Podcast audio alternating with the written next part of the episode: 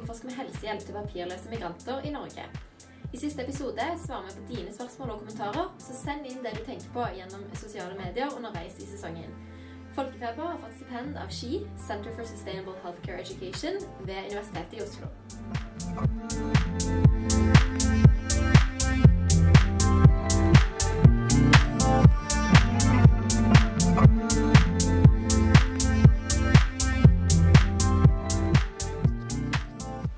Og velkommen til sesongens siste episode av Folkefeber. Dette er jo tradisjonen tro en debatt- eh, hvor vi diskuterer spørsmål og problemstillinger som har oppstått i løpet av sesongen. Og til dette så er vi så heldige å ha med oss Anne Kveim Lie, som er både førsteamanuensis ved Universitetet i Oslo, lege som arbeider frivillig ved Helsesenteret for papirløse, og vår mentor. Velkommen til deg. Tusen takk. Vi har da valgt å strukturere episoden rundt tre hovedtemaer. Og det første vi ønsker å gjøre, er å kaste et litt kritisk blikk på denne sesongen. I motsetning til første så har vi ikke lykkes i å få tak i en som er på den andre siden, for å kalle det det, som kan belyse argumentene mot mer helsehjelp til papirløse migranter, og hvorfor det ikke gis mer i praksis. Vi har i ukevis forsøkt å få kontakt med en representant fra Helsedepartementet, Innvandringsdepartementet, Helse Sør-Øst, OUS, helseministeren i 2012, hvor den omdiskuterte praksisendringen rundt papirløses rett til arbeid kom, og andre politikere i sentrale stillinger både da og nå. Ingen har villet snakke med oss. Noen har til og med svart nei med en liten latter på forespørselen. Eh, og vi respekterer jo at dette er et tema de ikke ønsker å diskutere, men vi kan ikke helt forstå det. Og når det er så strenge reguleringer, så må det jo være noen grunner til det, gode eller ei. Så åpningsspørsmålet blir jo naturlig nok er det noen argumenter mot mer liberale rammer for papirløse i helsearbeid. Er det jeg som skal svare på det? Ja. Kanskje ikke så god. Nei, men jeg tenker altså det som eh, Frp trakk fram senest nå i januar, det er jo at de innvandringsregulerende hensynet. Og det var jo det som var sentralt også da regjeringen gikk ut i 2010 med forslag om at man skulle eh, lovfeste eh, et, eller forskriftsfeste dette med hjelp til papirløse. Da sa de helt eksplisitt at det, den balansen vi må gi her, det er snakk om menneskeverd til eh, mennesker som lider. Eh, og eh, det som Storberget, som da var justisminister, kalte beskyttelse og ivaretagelse av velferdsstaten. Og det han eh, eh, sa om det, var at eh, hvis vi slipper helsehjelp altfor mye opp, så vil det kunne være en grunn til at folk kommer hit. Um, så det tror jeg er det som ligger bak. At man tror at hvis uh, du slipper opp dette altfor mye og gjør det altfor bra å være i Norge, så kommer det veldig mange hit. Uh, mm. Og så tror man at uh, det med helsehjelp er en viktig ting for folk flest. Men hvorfor har ikke noen hatt lyst til å bli med i podkasten vår og si dette her? Er det, er det liksom Det virker som at ingen vil stå for det argumentet. Ja. Nei, det, men det, hvis dere hadde spurt en Frp-politiker, så hadde dere kanskje dere spurt dem, eller? Vet ikke. ikke sånn direkte. Vi tenkte kanskje man ikke skulle gjøre det for partipolitisk her. Og Ja. noen som faktisk eh, driver med det til daglig. Så hvis vi hadde spurt en Frp-politiker, så kunne kan det jo hende at vi hadde fått et, eh, et svar om at de hadde lyst til å bli med. Ja. Men uh, Nei, for Det ville jo vært kjempeinteressant å høre hva Knut Storberget eller Anne Grete Strøm Eriksen, som satt med den avgjørelsen da forskriften kom, ville sagt om det. De gikk jo ut med dette som en gladnyhet. Som liksom endelig skulle man få slutt på den verkebyllen, som de kalte det, som helsehjelp til papirløse innebar. Um, På hvilken måte da? Nei, fordi de mente Altså, det hadde jo vært en veldig sånn uavklart rettssituasjon. Så eh, det var uklarhet i helsetjenesten om man i det hele tatt hadde lov til å gi helsehjelp til papirløse. Og det ble tolket veldig forskjellig. Noen mente at man til og med måtte angi papirløse hvis de fikk helsehjelp. Eh, og noen mente at man ikke kunne gi det hele tatt, mens andre ga helt fritt. Så det var liksom en litt sånn lovløs eh, situasjon, da. Og da mente man at ved å få det ned på papiret på den måten, så skulle de i hvert fall bli sikret grunnleggende rettigheter. Så det Jeg tror nok det var det som som, eh, som lå under på den ja, ja, Så de mente virkelig Og det var mange som gikk ut og sa altså Legeforeningen og Helsedirektoratet og mange som før hadde pusha på dette, mente jo at forskriften ikke gikk langt nok. Og at den var for vag. Dere har jo vært inne på dette kryptiske punktet. ikke sant, Helsehjelp som ikke kan vente og sånn. Og at man burde gitt mye mer uh, ubegrensede rettigheter. Og så mente de også at en stor mangel var at det ikke ble gitt lov til fastlege. Det hadde jo Helsedirektoratet ment. At det er på en måte navet i vårt helsesystem. Og hvis man ikke får fastlege, så mister man veldig mye. Og det er jo et tema som har kommet opp igjen og opp igjen hele denne sesongen. At det er nettopp den her altså dette der med primærhelsetjenesten da, som er noe av det viktigste. Og jeg leste eh, det forslag som nå kom nå i 2020, og som ble behandla i 2021, eh, om helsehjelp til papirløse migranter på Stortinget. Eh, og da hadde jo bl.a. Helsesenteret for papirløse migranter trukket fram det som altså det aller, aller viktigste. Vi må få en rett til fastlege. Vi må på en måte spesielt styrke primærhelsetjenesten for at en skal kunne få en inngangsport til resten òg, og at det er liksom de grunnleggende eh, helserettighetene som er de aller aller viktigste den dagligdagse helsehjelpen. Ja, jeg tror det er kjempeviktig at folk vet, altså at helsepersonell vet at de har ikke fastlege. Mm. For det ser jo vi gang på gang. ikke sant? Legevakta skriver ut pasienter fra kanskje de har vært et døgn til observasjon, og så sier de kan følges opp av fastlege. Men de har jo ikke noe fastlege. Og selv i Oslo hvor vi har helsesenteret, så ikke sant, vi er 200 frivillige. Vi, det er ikke muligheter for å drive kontinuerlig oppfølging ennå så utrolig bra helsesenteret drives. Så det er jo liksom Det er jo en kjempemangel. Mm. Eh, og ikke minst for barn, da. Som eh, mm. Men er ditt inntrykk som lege at du tror at mange tror at papirløse har eh, rett til fastlege? Hvis de ja. skriver ut og sier at fastlegen skal følge opp, da, så vet de ikke at de ikke har den rettigheten? Ja, det tror jeg. At de, de vet ikke det. Eller de tenker Jeg tror det kanskje er mer at de ikke tenker. Mm. For det jeg opplever av leger når jeg snakker med dem, enten jeg ringer for å rådføre meg på sykehuset, eller jeg snakker med kollegaer eller andre, det er at når de forholder seg til papirløse, så er for, veldig ofte første reaksjon er Ja, men har de, har de rett til det, da? At vi tenker med en gang det med rettighet istedenfor å tenke trenger de det? Ikke sant? For det er jo det som vi på en måte, jeg føler det er jo det som skal bestemme om vi skal gi helsehjelp. Det er jo om de mm. trenger det. Men så er vi liksom blitt litt sånn innspora til å Jeg vet ikke om det er Til å følge regler og ja. ja. At det er retningslinjer som har vært så viktig. At vi liksom tenker at er, vi skal bare følge disse reglene. Men det har, dette har dere jo snakket om før i episoden. Men jeg syns det er interessant altså, at det er liksom det første man tenker. Så Derfor så er det litt rart at de liksom tror at man er fastlege. Altså På ene siden så stiller de spørsmål ved om de har rettigheter, og så tror de de er fastlege. Så jeg tror kanskje det med fastlege kommer litt mer automatisk. Mm. Men nå har du dabbet litt innom poenget der. fordi vi, altså, vi har jo diskutert dette veldig mye fram og tilbake i episodene. Og vi har jo spurt disse som du nevnte, og sentrale personer eh, rundt den endringen òg. Snakker vi altså ingen vil. Og når vi har spurt Innvandringsdepartementet, så har de sagt at dette er et helsepolitisk dilemma. Og når vi har snakket med leger, og sånn, så har de sagt at dette er innvandringspolitisk. Vi, styres i vår helsehjelp av innvandringspolitiske hensyn. Og det er jo veldig sært, syns jeg, da, at vi som leger skal sitte og ta politiske beslutninger i henhold til liksom, innvandringsregulering. da. Det skal jo ikke være vårt virke på en måte, at disse går over i hverandre uten at noen vil ta ansvar for det. Mm. Verken på helsesiden eller på innvandringssiden. Setter oss jo i en klemme hvor disse faller, faller ned i midten da, og ikke får hjelp av noen. Og jeg tror også det er masse helsepersonell som strever med dette. Og som liksom tror at de handler riktig, men de syns jo det er fælt å avvise, men de tenker at de må det. Så det er jo jeg opptatt av i undervisningen på medisinstudentene. Å si at ja, dere står Altså her er forskriften, men dere har også andre normative rammeverk, la oss kalle det det, da, som dere kan forholde dere til, og som jeg mener at dere bør forholde dere til, som er etiske regler for regler og menneskerettighetene. Og at det er ikke bare liksom denne forskriften. Og dessuten så kan denne forskriften tolkes veldig bredt. Og det har ikke vært noen som har vært stilt for retten for å gi helsehjelp. Altså det gjør jo ikke vi. Det er jo ikke ulovlig å gi helsehjelp til papirløse. Så det er jo, men jeg synes hvis vi, liksom, Før vi forlater det med innvandringsregulerende hensyn, så har det jo også vært en del forskning på det hvor man har sammenlignet land som eh, har ulik tilgang på helsehjelp og innvandringsstrøm. Og det er også gjort intervjuundersøkelser av flyktninger i forhold til liksom, hva er det som bestemmer hvor man drar. Og helsehjelp kommer jo veldig langt ned på lista. Mm. Og grunnen til det tror jeg er at uh, de, er, de fleste som drar, er ganske unge. Og liksom, dere, det, er ikke, man, det, er jo ikke, det som står øverst. Liksom. Det er andre ting. Det er jobbmuligheter, det er om familie er der. Altså, helsehjelp kommer ikke høyt opp på den lista. Men, men, da skjønner jeg ikke hvorfor det er det ledende argumentet for at ikke papirløse kan få bedre helsehjelp. Når det er så lite vanntett. Altså det, det holder ikke. Når, hvis forskning viser at uh, bedre helsehjelp til papirløse i Norge ikke vil gjøre at det kommer en bølge med migranter, ja, for Det har vel også vist rent konkret at de landene som har åpna for mer helsehjelp, de har heller ikke hatt en økning i strøm, mm. altså, eller av tilflyttere. da. Og det er jo òg, eh, uten at vi på en måte skal avslutte dette spørsmålet helt, men gå litt inn på neste eh, Når vi har snakket med Nasim, f.eks.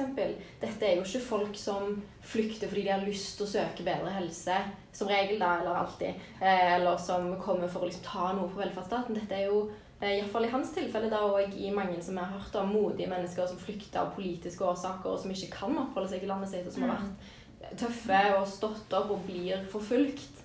Det, det er liksom ikke Og andre folk som vil snulte. Ja, ja, og mange Ja. andre, selvfølgelig. Men veldig, altså, helseflyktninger er jo på en måte ikke noe Det er ikke det vi hører om. Vi hører om klimaflyktninger eller politiske flyktninger eller religiøse flyktninger, men ikke, ikke helseflyktninger. Og det er jo interessant at selv med den forskningen som vi faktisk har på temaet, så blir jo det allikevel fremstilt som det viktigste argumentet igjen og igjen. Og det er klart at det er sånn Det er jo på en måte Jeg tror, jeg tror at i nordmenn så tenker vi altså vi er ekstremt heldige som har et fantastisk helsevesen. Og så må man må jo på en måte, Hvis man da skal si at disse her menneskene de skal ikke få noe helsehjelp, eller de skal kun få på en måte det aller mest nødvendige, um, så må man jo på en måte backe det opp mot noe som virker liksom, det virker reelt for, for folk flest. Og at det da på en måte blir et sånn argument som eh, bare sånn, ok, men hvis det bare kommer masse flere flyktninger, da, hvis vi gir helsehjelp til denne gruppa, da kan vi ikke gjøre det, liksom. Men, men når det på en måte ikke er reelt, så faller jo det argumentet Ja, for det er et logisk argument hvis det hadde vært sant, Ja. men det virker ikke som det er sant. Kanskje det er derfor ingen vil snakke med oss. For det Ja, men jeg synes det er rart. fram at det ikke er sant. Ja. Nei, men det er jo også noe med at de prioriterer ikke tid. ikke sant? Vi hadde en, Det var en medisinstudent, eh, Jon Fredrik Ascher, som nå er ferdig. Han skrev en prosjektoppgave hvor han prøvde å nøste i DPS-ene, altså distriktspsykiatriske sentre. Fordi at eh, vi opplever på helsesenteret at de avviser alle henvisninger vi sender, selv hvor det er veldig, veldig alvorlig psykiatri i bunn. Eh, og da ønsket han jo å få litt sånn begrunnelse. For jo liksom, hva, hva er det dere har som begrunnelse? Og det var helt klin umulig å få de som jobbet i disse inntakstimene på DPS til å stille til intervju. Så det er jo et eller annet med Jeg tror man liksom syns at det temaet er litt ubehagelig. Ja. Man vet ikke helt liksom hvordan man skal håndtere det. Det er vanskelig å si eksplisitt at nei, jeg vil ikke at noen skal ha helsehjelp. Eh, og, så det, det, jeg tror nok det er en av grunnene, da.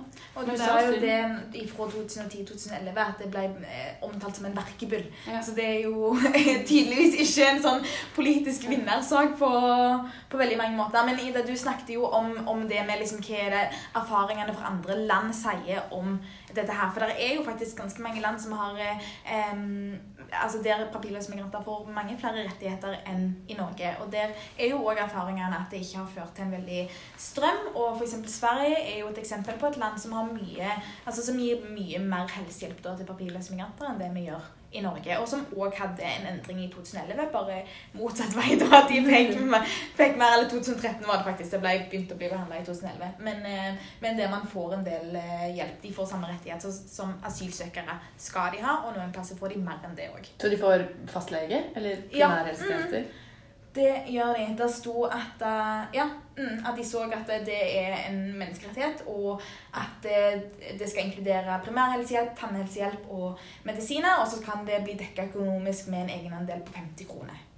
Har de tatt der. Mm, og det sto òg i det siste forslaget som, som kom opp på Stortinget, og som ble behandla i år, da. em, som en av begrunnelsene, da. Eller ja, der vi så til andre land òg. Og det gjelder òg andre land. Det var bare et eksempel med Sverige. Mm. Og det gjør det jo veldig vanskelig, for vi sitter jo i et slags politisk dilemma hvor vi, hvor vi har en forskrift eller en lovgivning som ikke samsvarer med fakta, og så forsøker vi å nå ut til masse enkeltpersoner som enten politisk eller i helse da, sitter med en følelse av at det, de har et litt personlig ansvar når de møter en papirløs som de ikke får, føler de får lov til å hjelpe, og som de ikke har lyst til å forsvare at de ikke hjelper heller gjerne. Det er jo i hvert fall de, de jeg har møtt og de vi har snakket med her som jobber i helse, de, de syns jo ikke det er greit. De har jo lyst til å hjelpe, og de har lyst til, de har lyst til å yte helsehjelp, men føler at de ikke har lov. Og da skjønner jeg jo at det er vanskelig å skulle forklare seg, sånn som på de DPS-ene òg. Forklare hvorfor de ikke kan godkjenne. Fordi at gjerne de ikke forstår det helt, og de har iallfall ikke lyst til å forsvare det. Så det er jo på en måte mange, mange enkeltindivider som på en side virker til å ha lyst til å hjelpe. Mange enkeltindivider som ikke får hjelp, og så er det en sånn politisk eh, dårlig grunngitt eh, beslutning som styrer, styrer alt dette her. Og det er også så utrolig få eh, det gjelder, ikke sant. Så det er liksom ikke altså, det, Jeg tenker det er liksom det er, det er ganske vanskelig å forstå, Mm. rett og slett. Og så er det jo også det at den forskriften ikke ga rett til økonomisk refusjon, ikke sant. Så det, det, det, har dere jo snakket om, men at de får skyhøye regninger. Nå var det jo en sak i. Klassekampen på fredag også om en dame som hadde fått en regning på var det 50 000 for en fødsel. Mm. Eh, og det er jo ikke nytt. det er jo Sånne ting har vi jo hatt. Og vi har jo opplevd på helsesenteret i fjor Vi jublet fordi endelig fikk vi fødeplass til en av kvinnene som, hadde, som var egentlig ganske sånn utsatt, og vi var litt bekymret for henne. Så endelig får vi fødeplass på Ullevål. Og så kommer hun gledesstrålende og forteller at hun har fått time hos gynekolog. Eh, og vi trodde det var fødselsforberedende samtale og tenkte åh, så fint, nå tar de det virkelig inn, liksom. Så kommer hun tilbake gråtende den samme dagen hun hadde vært der. Og da, den eneste tema for den timen var at gynekologen, eller fødselslegen, da hadde snakket om Ville forberede henne på at hun kom til å få en stor regning.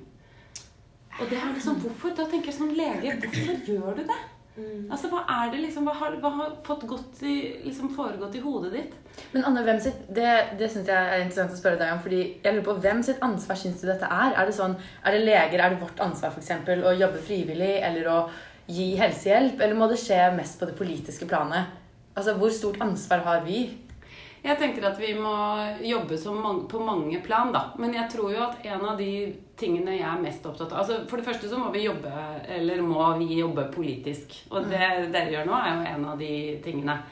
Eh, vi må skrive, vi må snakke om det med kollegaer eh, og alt sånn.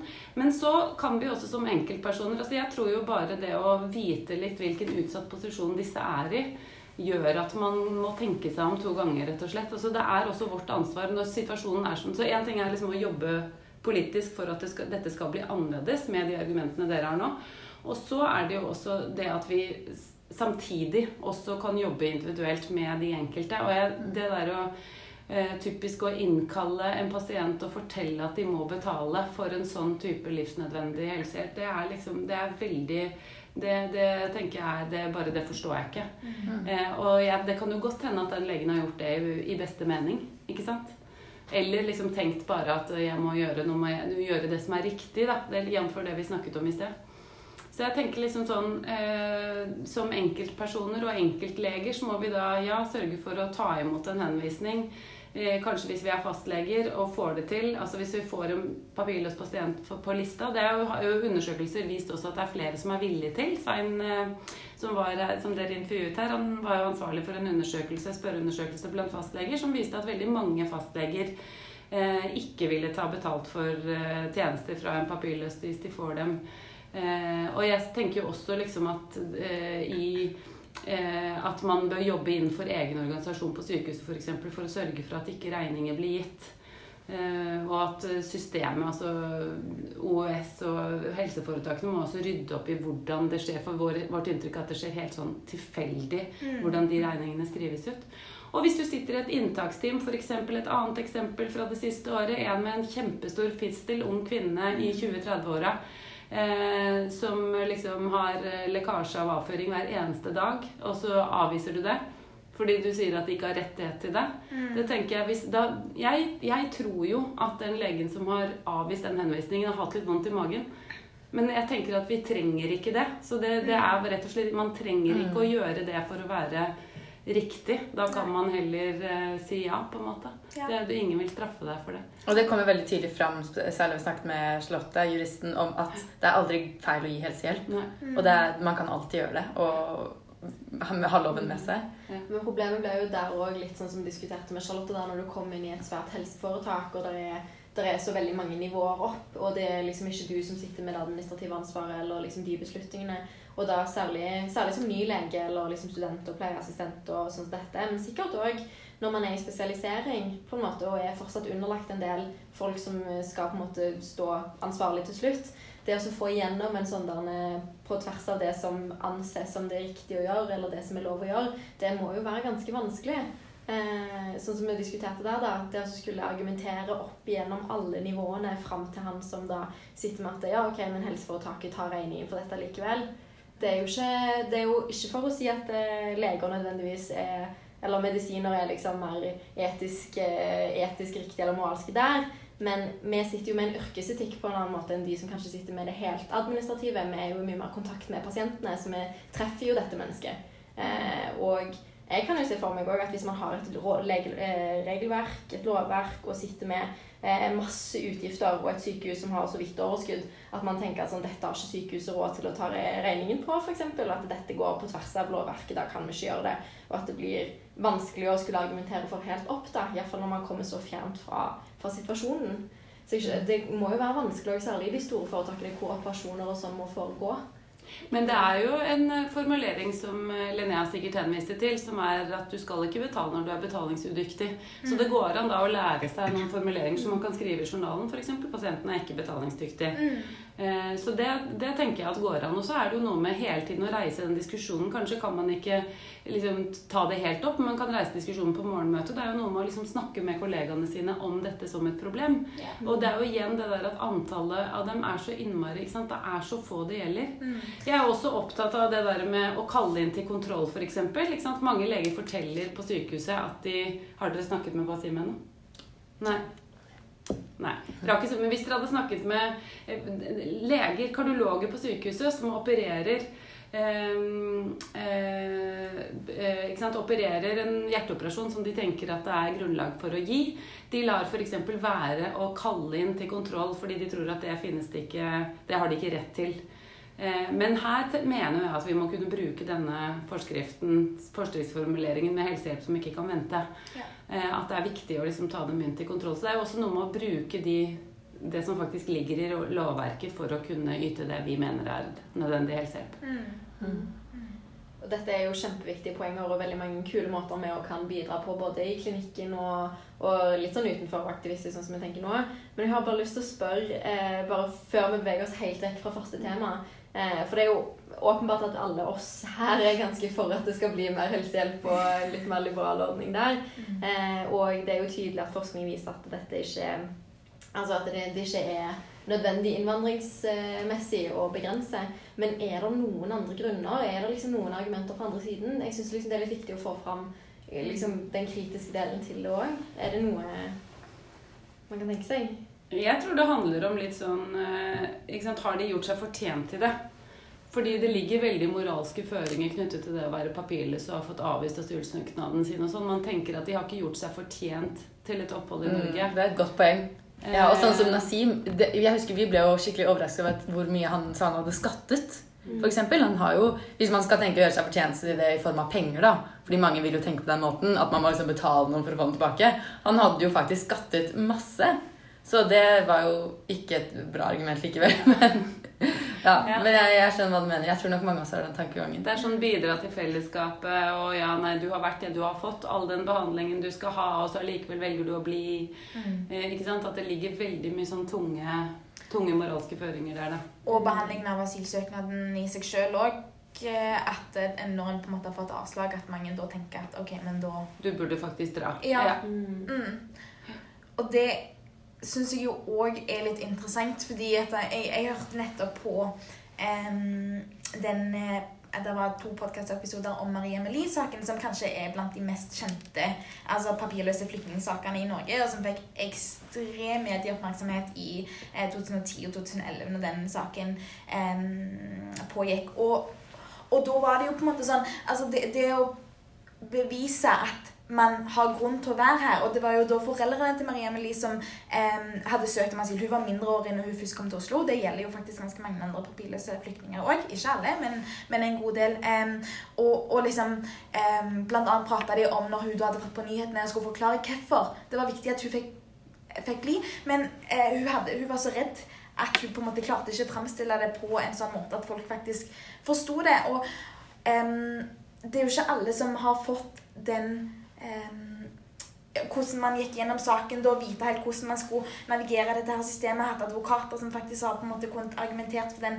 saken. Så det kan være ganske mange andre ting også som gjør at det er veldig vanskelig å, å reise tilbake. Og når de da er ureturnerbare, at man faktisk ikke har lov Altså man har ikke avtale med landet man skal sende tilbake til, eller at de faktisk er statsløse, så, så blir jo det et litt sånn eh, svakt argument, tenker jeg.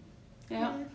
Nei, det er, det er skikkelig. Og jeg tenker også den formuleringen som rettsstaten opererer med, at hvis man har løyet, så har du på en måte lost case i, det, i utgangspunktet. Men mange av disse har jo historier hvor de forteller at de ble gitt råd om å fortelle en litt annen historie, for da var det lettere å få opphold. Og hvis du er helt desperat for å få opphold, så er det ikke så rart kanskje at man gjør det første gang. Hvis du kommer helt nytt til et land. Altså jeg tror det er så, og, men det der er liksom ikke en Det er de helt? Det står i loven, så det dømmer de på. Selv om de i utgangspunktet har stor sympati for saken din. Mm. Uh, og det er jo en uh, ja, Jeg syns i hvert fall Jeg har ikke truffet noen på helsesenteret som jeg har tenkt liksom bare åh, du har ikke en troverdig historie, liksom. Det er mm. faktisk ikke folk som Det er uh, masse, masse ulike grunner. men dette er jo alle altså Når man velger å bo under så vanskelige omstendigheter, så er alternativet ganske dritt. uansett, egentlig. Mm. Så det er jo liksom det som fordi når du får innblikk i hva slags liv de faktisk lever, eh, med liksom veldig mange på legd, fra sofa til sofa, fra venn til venn, ikke penger altså Det er et veldig, veldig Og ikke helsehjelp. Altså, det er sli, veldig mm. slitsomt liv. Og ikke arbeid. Vi snakket jo med mm, Arne Viste om eh, mm. sant? Man har ikke lenger lov til å tjene penger, man har ikke lov til å bidra til velferdsstaten i det hele tatt. Um, og det på en måte da altså, Da snakket jo han blant annet om at man enten da velger å sitte passivt på asylmottaket og bare sånn kanskje gjøre noen ting, eh, eller så må man jobbe svart. Og eh, Arne sa jo det at det er de som da er på en måte mest ressurssterke og på en måte virkelig bare sånn De må gjøre noe. Det er de som går Um, å finne seg svart arbeid, fordi at de er i hvert fall nødt til å gjøre noe, selv om de blir på en måte misbrukt. altså sånn, Får 30 kroner i timen, hva enn det måtte være, så er likevel det bedre enn å bare sitte passivt på asylmottaket. Men man tvinger jo mennesker inn i de situasjonene, og allikevel så velger de å bli fordi det er bedre mm. enn å reise hjem. Mm. Og det er altså liksom, det argumentet med at uh, papirløse kanskje ikke har fortjent det, da, den helsehjelpen. De får jo heller ikke muligheten til å gjøre seg fortjent når de ikke får være en del av samfunnet på noen som helst måte. Så det er jo, det, Man gjør bare situasjonen umulig for dem. Det er Mm. Ja. For det er jo sånn som, sånn som, du nevnte med Nasim, da, at han betalte jo skatt helt til han ble fratatt retten til skattekort. Mm. Eh, og sånn som du sier, alle disse her som blir tvunget til å jobbe skatt, eh, nei, svart. Eh, det er jo det at det, når man kommer der og begynner med at de jobber svart, istedenfor å ta med seg forhistorien til at eh, de har fått avslått opphold, og nå mm. lever de fra sofa til sofa de, de er jo nødt til å ha noe sjøl òg. De kan ikke bare være avhengige og leve på denne usikkerheten. De er nødt til å bidra på en eller annen måte. Eh, men så tenker man jo i litt sånn, gjerne litt sånn norsk tradisjon at hvis du jobber svart, så betaler du ikke skatt, du bidrar ikke til noe. Og det er ofte mye sånn holdninger rundt at de er kriminelle, sånn som Arne nevnte. da, at Man blir, man blir jo naturligvis òg gjerne pressa litt mer inn i et mer kriminelt miljø da hvis man er desperat og ikke har noen rettigheter eller noe økonomi selv. Det ser man jo i uavhengig av papirløse i store sånn slumområder og andre problematiske områder. at hvis man har lite, så blir man Eller så lite, da, så blir man jo desperat, og da blir man tvungen til å, til å finne andre løsninger enn å jeg tror, altså det, det, som skjer hyppigst, er jo ikke det at de blir eh, skjøvet inn i kriminalitet, men at de eh, blir utnytta i mm. ganske mange arbeidssituasjoner. Ja. Og i og med at vi i Norge har så lav altså Andre land som Tyskland, eh, Frankrike Mye større sektor med svart økonomi. Det er jo ikke noe bra for et land på en måte i og for seg, men for de papirløse så finnes det ganske mange flere muligheter. Og også fordi det er flere lommer i velferdsstaten som folk kan falle gjennom, så finnes det flere frivillige tilbud. Så ikke sant? Det er jo et eller annet med Norge Vi tror vi lever i verdens beste land, men for papirløse så er dette en av de verste landene å bo i i Europa. Og det er litt sånn tankevekkende. Mm. At vi har en sånn underskog, en skikkelig underklasse. Som, eh, men de er jo, det er jo masse ressurser der. De har jo på en måte, jeg mener Det å være her når, å leve undercover i Oslo, det er, eller i Norge, det, er, det krever enormt mye ressurser. Så det er jo på en måte um, Men ja, så det er ikke det at de er ressurssvake, men, uh, men det er utrolig krevende. Det er et mm. veldig krevende liv. Mm. Ja, jeg må bare understreke at jeg mener jo ikke at de er mer kriminelle eller noe sånt. Det var jo mer for å poengtere at det er man, vi har iallfall hørt eller jeg har hørt at det er mm. liksom en del sånne holdninger. Og iallfall hvis man ikke får med seg hele historien om avslag og liksom denne måte flukten inn i Norge, og sånn da, så det, er det jo lett å bli fordomsfull ja. hvis man bare hører svart arbeid eller kriminalitet og sånn, og at det blir et stort problem. Men som du sier, da, så er det jo, det er jo ressurssterke mennesker, de fleste av disse. Absolutt. Og eh, noe vi har tenkt på, bare for å gå videre til tema to, er jo at, eh, at vi gjør jo òg noe med denne gruppen når vi, når vi lager podkast om dem. Og har jo et ønske om å hjelpe og gjøre en endring og bidra. og Dette er jo en form for aktivisme. det er jo det. Men eh, man må jo òg tenke på hva vi gjør, da. Om vi lager et veldig tydelig skille mellom oss og de med denne sesongen. og hva den typen utforskning kan gjøre med gruppen. Er det sånn at vi fremmedgjør de for mye? Gjør vi de eksotiske og annerledes på den måten sånn at vi, vi glemmer at, at vi alle mennesker holdt jeg på å si, er vanskeligere kontakte og samarbeid? Det snakket vi mye om i sesong én, at det, vi må møtes for å sammen både liksom oss som ønsker hjelpe, og de som er i en vanskelig situasjon, kan finne liksom, gunstige og effektive løsninger. da. Eh, men er det vi driver med nå, liksom bare å skyve gjøre oss såpass forskjellige da, og fremmedgjøre oss for hverandre? Eh, ja, det var litt dårlig formulert, da. Men eh, hva er det vi egentlig gjør med, med gruppen gjennom denne sesongen? Ja, fordi jeg husker jo, Da vi snakket med Svein Årstedt, så spurte vi jo sånn Ja, hvordan er det å få en papirløs på legekontoret? Og så er han sånn Ja, det er som å få en hvem som helst annen på legekontoret. ikke sant? Det er jo ikke noe spesielt. Og, og jeg har, vi har kanskje tatt oss litt til å ha jo, kanskje ha noen fordommer, sånn som episoden med Charlotte, hvor vi hadde de Ida og jeg hadde tenkt ut noen eh, eh, kastistikker av hvordan vi trodde det kunne være å være papirløs i helsevesenet, og vi innså at vi tok jo ganske feil. Det er egentlig ikke så ekstremt da, som vi kanskje trodde. Så hva tror du, Anne? Tror du at vi Er det, er det skum... Eller er det en risiko ved at man skaper et større skille når man skal snakke om papirløse? Fordi man skaper en sånn vi og dem-mentalitet? Altså, jeg tenker jo det der slagordet 'nothing about us without us', altså mm. ingenting om oss uten oss, det tror jeg var kjempegodt, ikke sant? At eh, ideelt sett så burde dere jo ha hatt med én papirløs i hele, altså hele serien, på en måte. Eh, eh, og i hvert fall liksom kanskje samarbeidet med dem om å stille spørsmålene. Så jeg, jeg tenker det absolutt er en risiko. Og det er jo jeg, altså, det er jo noe som jeg har vært opptatt av i andre settinger også, men vi som leger Veldig mange av oss vi har søkt oss til dette yrket fordi vi vil hjelpe andre. Ikke sant? Det er vi hjelper, og stakkars de vi hjelper. Eh, så det er liksom veldig sånn De er offer, og vi er eh, heroiske hjelper. Det er liksom veldig Det er derre Det er en sånn intuisjon jeg tror veldig mange av oss har. Og det er vanskelig å komme ut av den, ikke sant? Fordi eh, når man skal samarbeide med pasienter, eller samarbeide med andre, for så vidt, medhjelpere eller hvem som helst, så så er det på en måte Det er ikke noe egentlig bra for folk du skal jobbe med over tid at, eh, å bli plassert i den kategorien. Så da tenker jeg at liksom eh, Hvis man kunne definere hjelper-offerrollen til å bli mer to samarbeidende parter, så tror jeg det er veldig bra.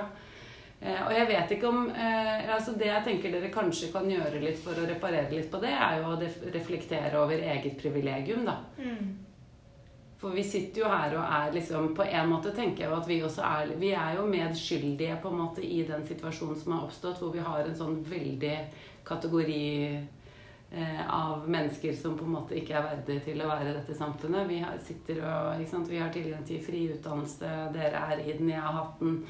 Eh, vi har liksom alle Vi kan reise overalt i verden. Eh, liksom alle vil bare se fint på oss. Er man mørk i huden eller kommer fra og i tillegg har liksom mistet eh, eller eh, tapt eh, asylsøknadene sine, eh, så er man på en måte et helt annet sted. Og det er jo ikke, det er jo ikke et rettferdig system vi lever i.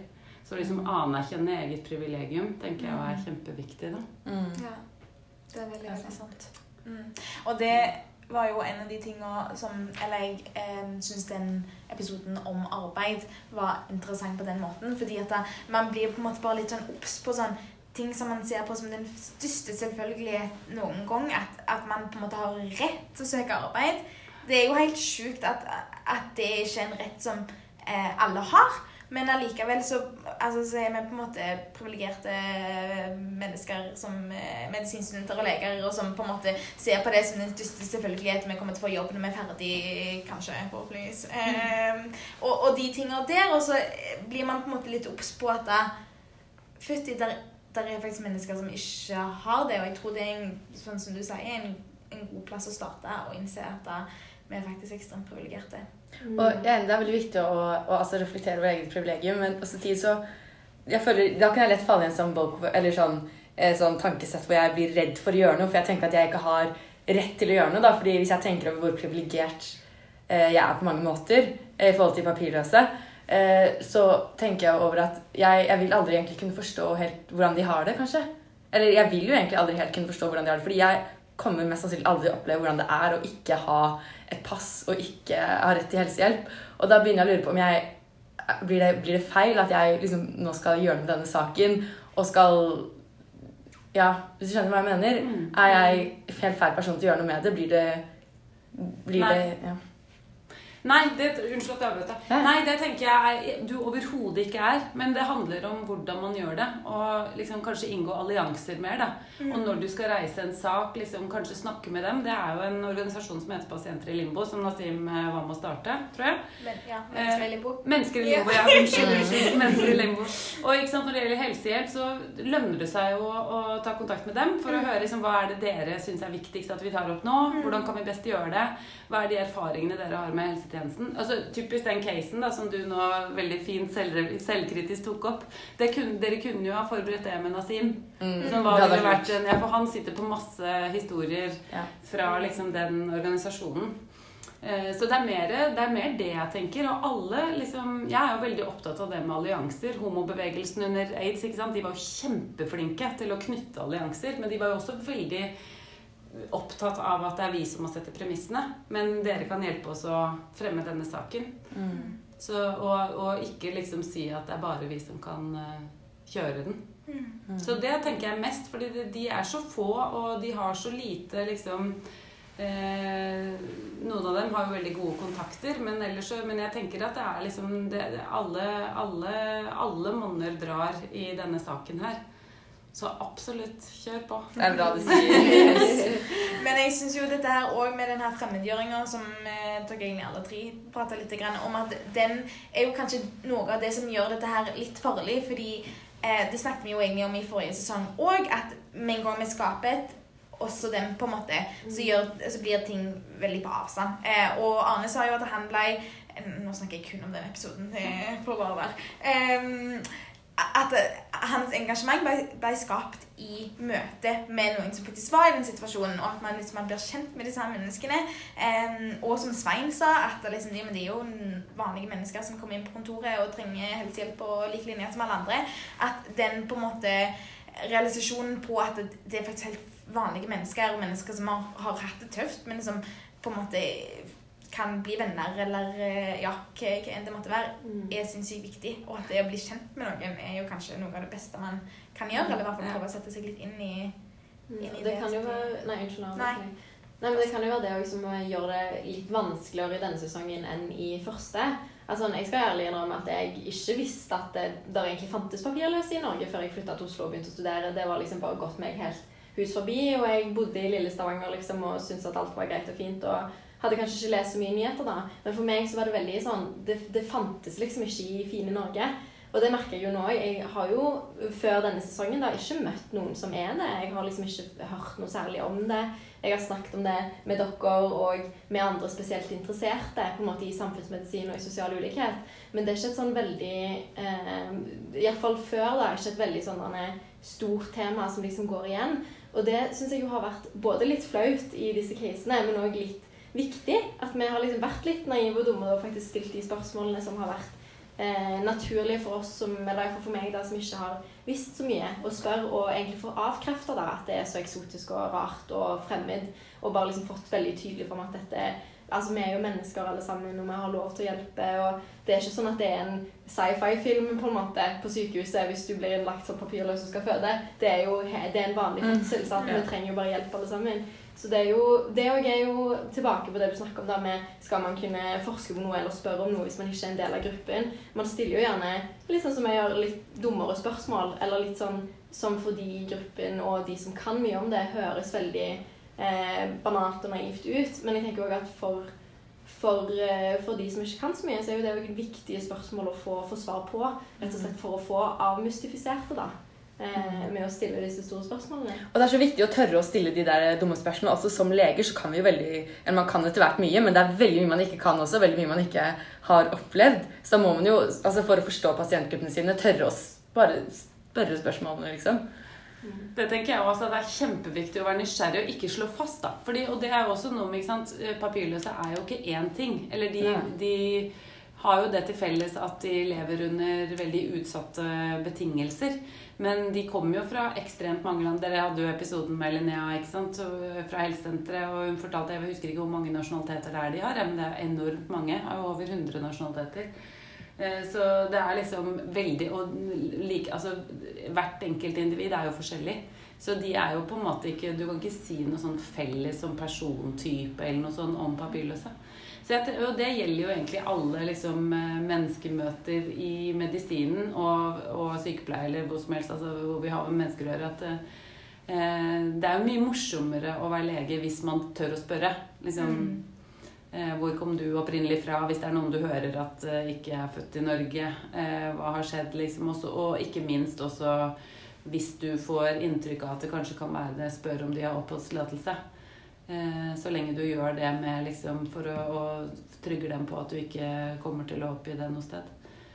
Men i forhold til, jeg tenker at dere f.eks. kunne ha laget et, eller medisinstudenter eller sykepleierstudenter eller hvem som helst kan lage debattmøter. Og da tenker jeg at man ikke skal snakke om dem. altså Da må Mm. man invitere en av dem med. liksom. Mm, Både for å sette agenda og, og prøve å liksom få et, nettopp å få folk til å bli litt kjent med dem. da. Mm.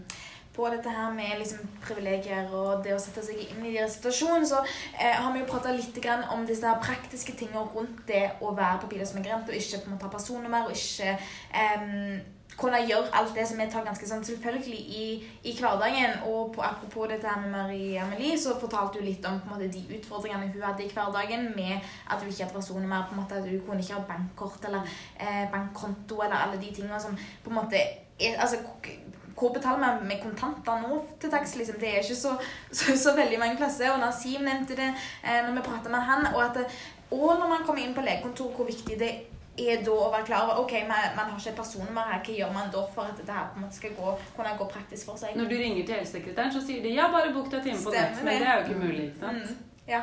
Og alle liksom de altså sånn eh, ja, Det å kunne bestille seg en flybillett hvis man skal altså Det er jo ikke alle plasser i Norge man har et helsesenter for papirløse. Det er på en måte i Oslo og i Bergen. Eh, eller en togbillett. eller Liksom, en eller annen billett. Hvor gjør man det? Man gjør det på nett. Eh, og da må man jo ha et bankkort, så man kan liksom fylle inn detaljene og få betalt for den her. Men da er man jo avhengig av at noen personer må ha altså en, en venn eller et eller annet sånt må kunne legge ut for en med bankkortet sitt for så å betale tilbake kontant, eller hvordan enn man skal gjøre det. Um, og at bare sånne småting gjør livet en del vanskeligere. Mm. Ja, det er jo masse, og jeg tenker det også knytter seg til liksom, ikke sant, resept. Eh, ja, men Det har dere snakket om i tidligere episoder. At jeg tror det også det er viktig å være obs på når det gjelder denne gruppen. Da, at vi liksom ikke at vi tenker på Hvis vi har legevakt på Hvis vi har legevakt, at vi prøver å finne en pakke antibiotika og gi med dem. Fordi ikke sant, vi kan risikere å sende dem på apoteket, og så har de ikke penger til å betale de medisinene, og så tør de kanskje ikke å si det til deg. Eh, Så sånn, og det gjelder jo også andre pasienter som har veldig dårlig råd. At vi faktisk tenker litt på det der med de som er mest utsatt. Men Anne, litt tilbake til det med å stille altså, dumme spørsmål. Men har du noe opplevd på helsesenteret for eksempel, at du har stilt spørsmål eh, til papirløse som du har følt har blitt feil? Eller at du har følt at du eh, Ikke mer til at, papirløse at, at, det kan være litt, nei, eller at det kan være litt fornærmende på en eller annen måte, eller Ja, så Det er jo den utfordringen som det er å snakke med tolk. da, ikke sant? Mm. At eh, du kommer ikke liksom alltid Det er litt vanskeligere å tolke kroppsspråk, eller det er litt vanskelig å formulere seg liksom nyansert. Så jeg føler kanskje av og til at jeg har plumpa ut med noe som jeg kanskje burde ha venta litt med, eller noe sånt. Eh, Men nei, jeg føler det ikke. Egentlig så er de veldig sånn opptatt av å fortelle. Altså, det er ikke noe, ja. Og det er jo også sånn at på helsesenteret? Noen, noen har jo kroniske sykdommer og går der mye, og da er det jo mange av de som jobber der fast, som vet litt mer om dem og kan hjelpe meg å, å liksom fortelle, fortelle litt mer òg. Men eh, jeg syns, nei, jeg syns egentlig stort sett at det ikke Jeg har ikke opplevd det noe, noe Så jeg føler ikke det. Men jeg tenker at man trenger ikke å være noe redd. Nei, for det er det egentlig veldig fram til. Om man, Ja. man kan tenke at man kan, kanskje blir redd for å si noe feil eller noe insensitivt, eller eh, når man har mennesker for seg som har det veldig vanskelig. Men, eh, Nei, jeg føler liksom, Men det gjelder jo alle litt sånn uh, mulige sensitive temaer. Enten det er rusavhengighet, eller du lurer på Mm. noe sånt, eller eh, fedme, eller hva som helst. Altså Så lenge man eh, adresserer det på begynnelsen av konsultasjonen, så man har litt tid til å rydde opp. Eller Ja, men rett og slett. Ja, ja, ja. liksom, For det er veldig ofte at man sier de ubehagelige tingene rett før de skal gå, og så blir de sittende igjen med en sånn skikkelig fæl ting, og du med klump i magen og i det hele tatt. Men så lenge man sier det, og, og også gjør det liksom med omsorg Du skjønner hvorfor. Altså at det ikke er graving i et eller annet, men du på en måte ut, ytrer en bekymring, eller, eller du sånn som her, da, at du stiller spørsmål fordi du lurer på om du må, det er noe du må vite for å tilrettelegge bedre, eller noe sånt. Eh, nei, jeg tenker at ja, Men det er min erfaring at hvis du liksom sier det med omsorg, så er det veldig lite som kan Mm. bli feil, egentlig. Jeg føler jo en sånn ting som økonomi, det er vi altfor dårlige til å snakke om i helsevesenet. Nå må jeg bare igjen kommentere at nå la jeg jo opp til at det er annerledes å ha papirløse pasienter. Og det, det er det, Ja, det var vel Men det er jo fint også å bare kommentere og være bevisst på akkurat når vi spør om dette med hvordan man skal spørre spørsmål og sånn. For dette, ja, vi skal jo spørre spørsmål som eh, til en hvilken som helst pasient, men vi har jo diskutert dette òg, at det, vi har jo lyst til å hjelpe. sant? Og da blir man jo kanskje plutselig, eller iallfall jeg, er litt redd for at da skal man komme fram litt nedlatende eller litt sånn 'stakkars deg, Ja. la meg hjelpe deg'. Og så er jo målet bare å finne en god løsning sammen på et problem og kunne bidra hvis det er økonomiske vansker, eller gi en medikamentpakke, da. Men det, kan det liksom gå for langt? Er det sånn at hvis jeg, hvis jeg antar eller har en følelse av at min pasient er papirløs eller en annen utsatt gruppe eller har veldig dårlig økonomi, og så stikker til han en antibiotikapakke, så kan jo det òg bli veldig sånn på Nei, men man kan jo spørre Det er jo mye bedre da istedenfor å gjøre det. Det tenker jeg man ikke skal. For det er jo litt sånn Men du kan spørre har du råd til å betale for den. Mm. Og det tenker jeg man bør, bør si til mange flere pasienter. Hvis man tenker det er medisin det er kjempeviktig at de skal ha, har du råd til å betale for den? Det er et helt, helt konkret spørsmål. Ja. Istedenfor 'stakkar deg'. For det, det tenker jeg er litt sånn ikke sant? Det er jo mer sånn bare har du et sted å bo i natt? Eh, hvor, hvordan skal du liksom, hvor skal du være de neste, den neste uka? Ja. Sånne ting. Har du et sted å vaske klær? Mm. Har du liksom et sted å dusje nå? Mm. La oss si det er en, eh, ja, eh, en pasient med skabb, hvor, du, hvor de krever at du som skal vaske alt.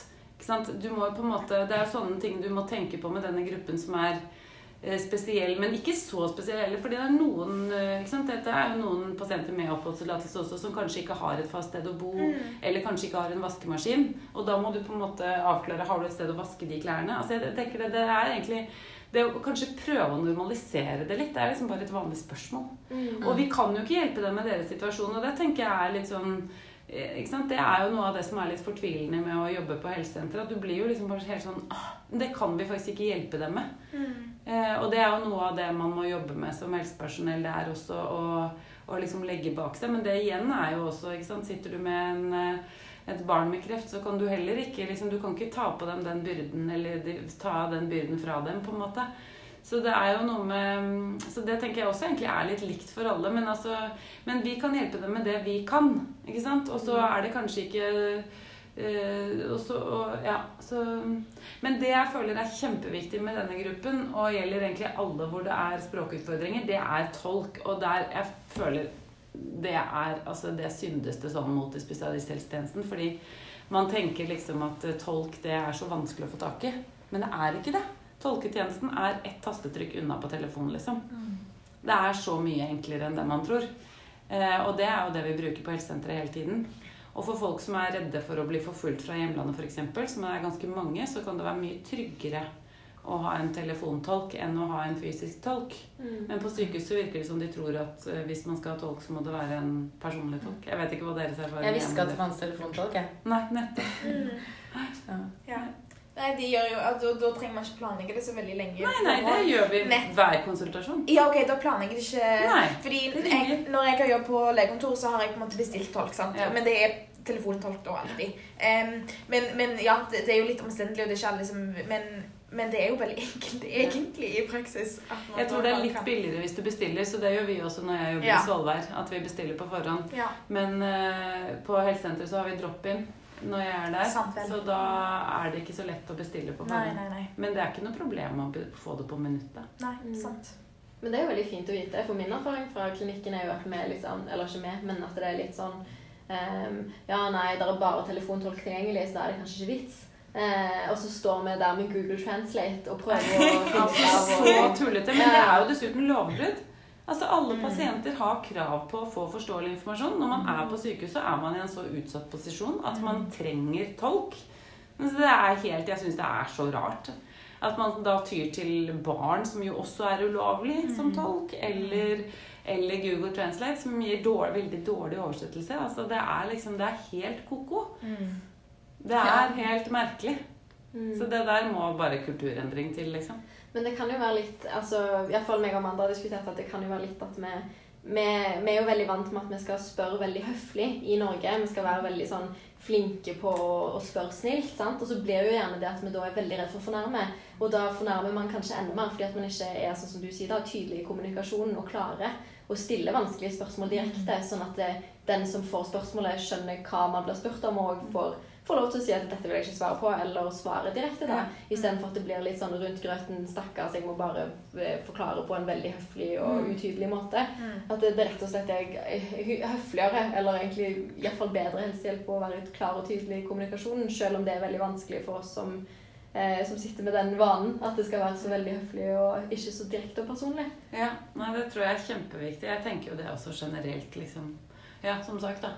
At det gjelder ikke bare denne gruppen. Mm. Det helt sant. Jeg har aldri hørt noen som har spurt om økonomi. I, nå har jeg for så vidt gått bare tre og et halvt år, så det kan jo være det kom i løpet av de to og et halvt siste åra.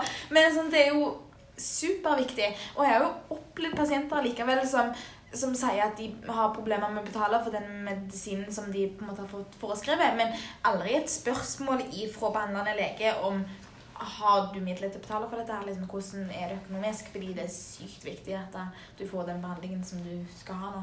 Det var en artikkel i tidsskrift, eh, altså tidsskrift for Den norske legeforening om det tidligere i år. Om hvor, altså Det er sykt få som spør om økonomi. Og ennå det har Vi vet liksom at sosial ulikhet i helse har stor betydning eh, i Norge. Så det er, det er et sånn generelt tema at vi er altfor dårlige til det. Jeg tror jeg skal spørre om på neste smågruppe. Det er målet mitt. Ja. Det er, det er litt sånn tankevekkende. Men eh, ja, og det er altså særlig for liksom denne gruppen. Men også ikke sant, folk som bor på gata. og Det er, sånn, det er jo veldig mye vi ikke vet, og folk kan pynte seg veldig for å komme til legen. ikke sant? Så det er ikke alltid du ser det heller. Mm, så det. Ja. Men nå har du gitt oss to veldig gode, gode poenger. da, Både det å være klar og tydelig i kommunikasjonen og være veldig bevisst på eget privilegium. Er det noe annet eh, med dette temaet og gjennom sesongen som du har lyst til å kaste lys på eller ta opp? Nei, jeg, altså akkurat, jeg er veldig opptatt av dette med økonomi for tiden, fordi vi ser så utrolig forskjell mellom de enkelte sykehusene. Også egentlig det med henvisning. Fordi det, den der fistelpasienten som jeg fortalte om i sted, den ble jo sendt da avvist på eh, OUS, og så sendt til Ahus, hvor den faktisk ble akseptert. Og det har vi sett i flere andre tilfeller, ikke sant? Eh, og jeg tenker at eh, den derre tilfeldigheten Jeg føler det er skikkelig sånn eh, helse... Eller hva skal vi si Det er ikke, kanskje ikke rettssikkerhetsproblem, men det er så utrolig Det samme skjer vi, når ser vi med økonomi. At noen pasienter får kjemperegninger, andre får ikke noen ting i det hele tatt. Eh, og på helsestasjonen så vi jo liksom tidligere at de fikk eh, store regninger. Der føler jeg de har blitt bedre nå. Men på sykehusene så er det fremdeles virker som det er helt random også mellom forskjellige avdelinger. Så hvis noen kan ta litt sånn og nøste tak i det, så syns jeg det ville vært utrolig fint. Og så er det én ting jeg liksom har lyst til å si til slutt, da, og det er liksom at jeg tror jo at eh, Jeg tror jo at hvis vi tenker på at vår plikt Jeg tror ikke det var noen uh, som gikk inn i medisins, på medisinstudiet eller sykepleiestudiet eller andre typer yrker hvor de på en måte kan komme i kontakt med papirløse, for å følge regler. Det er liksom ikke derfor vi ble ikke sant? Det er, så Prøv å huske litt på hvorfor man ble Hvorfor man gikk inn i det, de studiene eller det yrket man gjorde. Og så tenk på det når disse pasientene kommer. liksom, Hva er det jeg skal gjøre? Hva er min oppgave? Jo, det er å vurdere om denne pasienten trenger helsehjelp. Ikke å vurdere om de har rett til det. Eh, og ikke prøve å være så liksom sånn flink opp mot noe i anførselstegn, da, opp mot eh, lovverket. Ehm, og ja, så å huske på det der med at det er ikke ulovlig å gi helsehjelp til denne gruppen. Det tenker jeg egentlig kanskje er det aller viktigste. Da. Veldig viktig. Det tror jeg er sånn veldig mange av episodene der konkluderte intervjuobjektene våre med det at det er ikke ulovlig å gi helsehjelp. Så det syns jeg, ja, ja, ja. Vi trenger å få høre det tydelig, fordi det vi gjør på medisinstudiet, er jo i stor grad å pugge ting. Og, og lære oss ting, lære oss prosedyrer og guidelines og altså, vil, altså, sånne flowcharts, ikke sant? hva du skal gjøre når du får en pasient med disse, disse symptomene. Og det er veldig viktig, det er viktig å få høre det, også få høre det av underviserne våre, at vi ikke alltid må følge regler. Fordi man glemmer det litt. Ja, Man gjør det. Og hvis vi da til å ta siste spørsmålet, som er liksom, okay, hva er det viktigste man har lært eller sitter igjen med denne sesongen, så er iallfall det det viktigste jeg har lært. At sånn, det er aldri feil å gi helsehjelp. Og det er aldri ulovlig å gi helsehjelp. Og at det, egentlig bare hvor viktig taushetsplikten er, da. Bare for at de, alle pasientgrupper skal føle seg trygge og ikke være redde for å bli angitt. Og, og for å liksom komme til deg som helsepersonell. fordi som du sier da, Anne, så har vi jo valgt valgt et yrke i helse fordi vi har lyst til å møte pasienter og bidra. Vi har lyst til å hjelpe der vi kan med det, med det vi lærer oss. Ikke fordi vi har lyst til å angi noen eller eh, regulere innvandringshensyn. Da hadde jeg jo iallfall ikke gått medisin, på en måte. Det var jo en av de intervjuobjektene som Jon Fredrik han jeg fortalte om han prosjektoppgavestudenten som studerte DPS, altså Distriktspsykiatrisk senter. En av de som sa ja, nei, vi må jo også vurdere om vi skal anmelde til politi. Og det må dere huske på at taushetsplikten, den gjelder for disse pasientene. Ja, ja, ja. Vi skal ikke angi disse, og det må vi også trygge disse pasientene på, fordi de tror jo at de kan bli angitt. ikke sant? De kommer jo fra systemer hvor man ikke, helsesystemet hvor man ikke kan ha den tilliten til at informasjonen ikke vil gå videre. Eh, og mange av dem har blitt fortalt helt feilaktig at de mister tilgangen til helsehjelp eh, hvis, de, hvis de eh, velger å bli i landet etter at de har fått avslag. Så det er jo mange av dem som tror det. Så hvis dere hadde spurt Jeg vet ikke om dere spurte Nasim, nei det gjorde dere ikke, ikke sant? om erfaringer de har. Men vi hadde jo en sånn gruppe med studenter ned og besøkte mennesker i limbo for en stund siden. Og da fortalte, eh, da fortalte de jo ganske mange sånn hjerteskjærende historier om folk som eh, har dødd hjemme fordi de ikke med liksom, hjerteinfarktsymptomer som ikke turte å ta kontakt. Eh, en som fikk hjertesvikt etterpå. Nå nevner jeg mest de hjertehistoriene, for det var det jeg husket best eh, for øyeblikket. Men det er jo liksom sant? Det er en kjempefare da, eh, for menneskeliv at, vi, at de tror og, går og tror det. Og hvis vi da i tillegg skal liksom eh, legge til den byrden ved å være skeptiske når de kommer, så enten ved å be om at de skal betalingsgaranti eller hva som helst, sånn som, så blir de jo veldig skremt. Mm. Så vi må bare passe på det, at de kommer med en stor dose liksom, skepsis til om vi kan hjelpe i utgangspunktet. Mm. Så det tror jeg er kjempeviktig. Det kom da jo forslag Det kom jo forslag nå på den siste høringen om dette her, om at en Ja, de ønsket at et parti da ønsket at vi skulle em, ha meldeplikt. Altså Frivillige organisasjoner som mottok statsstøtte, skulle ha meldeplikt hvis det kom det de kaller illegale innvandrere inn. Og det ble heldigvis nedstemt med stort flertall. Det var kun ett parti som stemte for. Så det er jo virkelig ikke reelt. Det er ingen, på ingen måte meldeplikt. Og vi har eh, ja, avlagt en ed om å ha taushetsplikt, så det er sinnssykt viktig. Ja, det har vi jo sagt før, men taushetsplikten er jo helt hellig i Mm. helsearbeid. Ja, Det er jo det som gjør at vi kan gi rettferdig og verdig helsehjelp til alle. Mm. For dette pasientene våre føler seg trygge. Ja. Det er så viktig. Ja, det er utrolig viktig. Altså. Mm. Husk på det.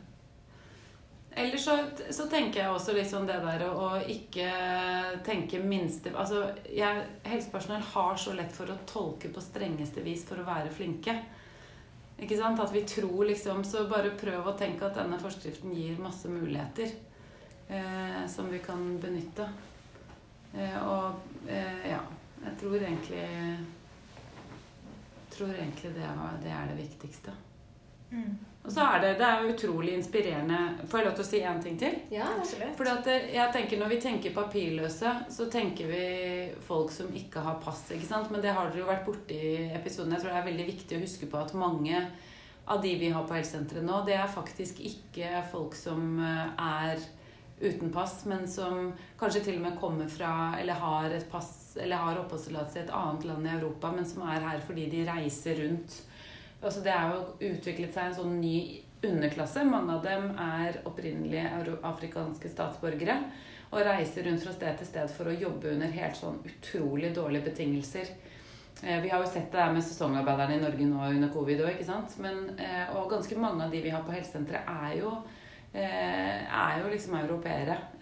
Enten av afrikansk herkomst eller europeisk herkomst, som, som rett og slett er litt sånn desperat på jakt etter, et sted å være.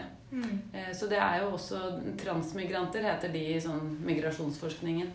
Eh, Men det er også viktig å huske på, tror jeg, selv om du har en, eh, en, en som opprinnelig er en kanskje spansk statsborger eller polsk statsborger, så kan de også faktisk ha, mangle de rettighetene som, som, som en annen polakk eller spanjol ville hatt. Da. For hvis du er over en viss tid i Norge, så mister du, mister du de rettighetene som du har i, løpet altså i, i, i kraft av EØS- og EU-regelverk. Å ja, sier du det? Hæ. Få hjemlandet sitt. Ja. ja. Mm. Eller Norge, så du må, du må dokumentere at du tjener så og så mye ja. for å kunne forlenge den oppholdstillatelsen. Ja. Så du får først når du kommer inn, nå husker jeg ikke hvor lenge det er, men jeg tror det er tre måneder. Hvis du ikke kan dokumentere at du har selvoppholds, altså nok til eget selvopphold, Ja. så mister du det. Ok. Ja, det er jo også veldig viktig og interessant. Det er jo sikkert ei Altså, det kan vel potensielt bli ei relativt stor gruppe, da, kanskje Ja. i forhold til de vi tenker som tradisjonelle Ja. Mm. Ja, altså det noe antall vet ikke jeg, men det er i hvert fall en ikke ubetydelig del av de Ja. som er på helsesenteret. Ja. Mm. Hva er det viktigste du har lært om alle i løpet av sesongen? Mm, jeg tror også det er det samme Altså det med at det aldri er feil med å gi helsehjelp. Og så har jeg blitt litt Jeg har følt at jeg har måttet Jeg har blitt konfrontert med mine egne fordommer flere ganger. Eh, særlig den episoden med, som Ida jeg hadde med Charlotte. Um, ja, om det juridiske. Så det har vært en veldig fin opplevelse, egentlig. Og ja, det var et tema jeg trodde jeg kunne ganske mye om, men jeg kunne mindre om det enn jeg trodde. Så hva med deg?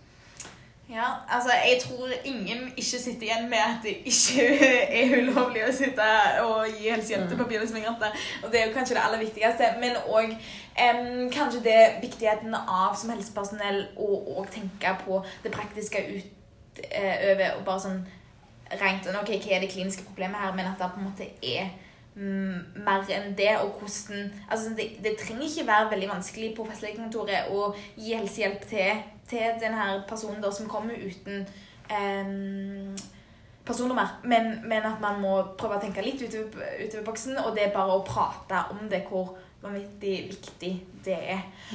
Og så må jeg jo si at jeg syns det har vært spennende å bare liksom følge hva som skjer i det politiske landskapet rundt dette her i det siste. Nå i april så ble det eh, bestemt at noen av de som har vært her veldig veldig lenge, veldig liten gruppe, men det er en bitte liten seier, har fått eh, lov til å bli i Norge, få oppholdstillatelse i Norge av disse her papirløse. Så det er jo et gjennomslag som har kommet. Det gjelder ca. 50 personer. Det er veldig veldig få, men eh, vi må jo ta noe av det positive som, som finnes. Og at det er flere saker det siste tiåret som faktisk har skapt veldig veldig, veldig mye oppmerksomhet rundt dette. her. Maria Melie-saken, eh, Arne Viste-saken og eh, biskopen, som jeg akkurat nå ikke husker navnet på, men som Stålsett. ja, takk. som, som har skapt mye medie, medieoppmerksomhet. Og det kan jo gi oss tro på at kanskje en gang i framtida så, så kan det skje endringer eh, som gjør at eh, disse menneskene faktisk får helsehjelp. Og det stadig, kommer stadig forslag i Stortinget òg om dette. Så det er noen som, som er for det, og som ønsker å, å fremme det. Så får vi bare håpe at, eh, at det kanskje en dag går gjennom. Mm. Så blir det jo veldig spennende å se hvordan det blir i Den europeiske menneskerettighetsdomstolen. Ja. For at det er jo veldig interessant at Norge, som egentlig er et veldig altså foregangsland på menneskerettighetene, går så på tvers av de i akkurat dette. Mm. Så det er jo veldig eh, flott at Arne Viste tar det helt opp til menneskerettighetsdomstolen. Og vi skal selvfølgelig oppdatere i eh, våre sosiale medier-kanaler når vi får vite noe om det. Så det Mm. blir spennende. Mm. Men jeg lurer på om jeg kan stille ett til spørsmål til Anne. Og det er hva vi i Folkefeber eh, bør gjøre nå. Eh, eller altså gjøre videre. Eh, hvordan kan vi jobbe, fortsette å jobbe for denne saken? Jeg tenker kanskje at um, ja, Dere kan jo lage en sesong til. Nei, det. Nei, men hvordan dere kan jobbe Du tenker dere som enkeltstudenter? Ja, men vi kan godt um, ta med oss resten av studentene. Ja, alle i studenter. Jeg tror jo først Altså det dere kan gjøre uh, først og fremst, er jo Man må jo begynne med seg selv. Mm. Så jeg tenker debattmøte blant studenter. Jeg opplever egentlig at studenter har ganske stor interesse for dette. Så invitere folk som Nasim eller noen som har en historie å fortelle. Eh, for å liksom få studenter til å bli kjent med denne gruppa. Eh, og så går det an å samle organisasjonene og komme med et inn, selvstendig innspill. Man kan jobbe gjennom Legeforeningen. De har en eget menneskerettighetsutvalg. Så prøve å pushe på dem, eller NMF. Man kan eh, jobbe ved å skrive kronikk. Dere burde jo egentlig skrive det. Har vært så flinke til sist sesong. Ja, vi har en liten plan om det. Eh, og så tenker jeg liksom, når dere er ute i praksis, prøv liksom. Snakk med alt fra vaskedama til eh, avdelingsoverlegen om dette. Liksom, bare spør nysgjerrig. Hva gjør dere når dere får papirløse? Hva tenker dere? Ikke sant? Sånn, for da trenger dere ikke å føle det Jf. det du sa i det med at man føler seg litt sånn lavest på hierarkiet. Man kan bare stille nysgjerrige spørsmål. Så det er liksom bare å Og så kan man jo smette inn med noe som dere vet eh, underveis. Men prøve å liksom at få folk til å snakke om det. For jeg tror det er det som er hovedproblemet. At folk vet ikke noe, og så blir det liksom bare masse sånn magereaksjoner. Ja. Det opplever jeg når jeg sitter og ringer folk på sykehuset. At de liksom Ja, men har de har de, ikke sant, Det der instinktspørsmålet de har, ja, men har de rett til det? At man, hvis, hvis, man får snakket mer om det, så tenker jeg at folk, leger kan få mer selvtillit og liksom følge magefølelsen. Ja, men selvfølgelig det. Har de, har de, har de behov for det? Ja. At det er liksom det medisinske behovet som kan stilles først. da. Mm. Så må vi jo si det at vi er i gang med arbeidet av en brosjyre som vi kommer til å gjøre tilgjengelig for alle som vil, enten på nett eller vi skal dele ut en del òg, som er veldig enkel, og der vi bare kommer til å skrive hva er det slags rettigheter eh, papirløse migranter har innenfor helse, og hva har man lov til å gi òg av helsehjelp? Som jo egentlig er alt. Så det er jo veldig veldig fint. Men ja, ja. Eh, ja. Så den er ikke klar helt ennå. Men eh, det er bare å følge med, så kommer den eh, etter hvert. Og den håper vi at mange av dere har lyst til å benytte. Um, og ha med dere i lommen eller hvor enn dere skal gå. Eller pugge om dere vil det. Sånn at en er klar over hva hva slags rettigheter og hva slags muligheter som finnes. Mm. Og hva plikter vi har. Ja, absolutt. Mm. Jeg er skikkelig glad for at dere har tatt opp dette temaet. altså. Fy søren. Heier på dere. tusen takk. Og tusen takk til alle som har lytta hele sesongen og fulgt med. Så håper vi at dere òg fortsetter å diskutere dette og snakke om det med de dere er rundt. Mm. Og tenker på det. Ja. Og vi tar gjerne imot tilbakemeldinger hvis uh, dere har det. Mm. For flere spørsmål, selvfølgelig. Ja, absolutt. og kanskje tips til neste episode. Neste, ja, neste sesong. Neste sesong. Neste sesong. Ja, neste episode. Yes. Vi snakkes. Ha det.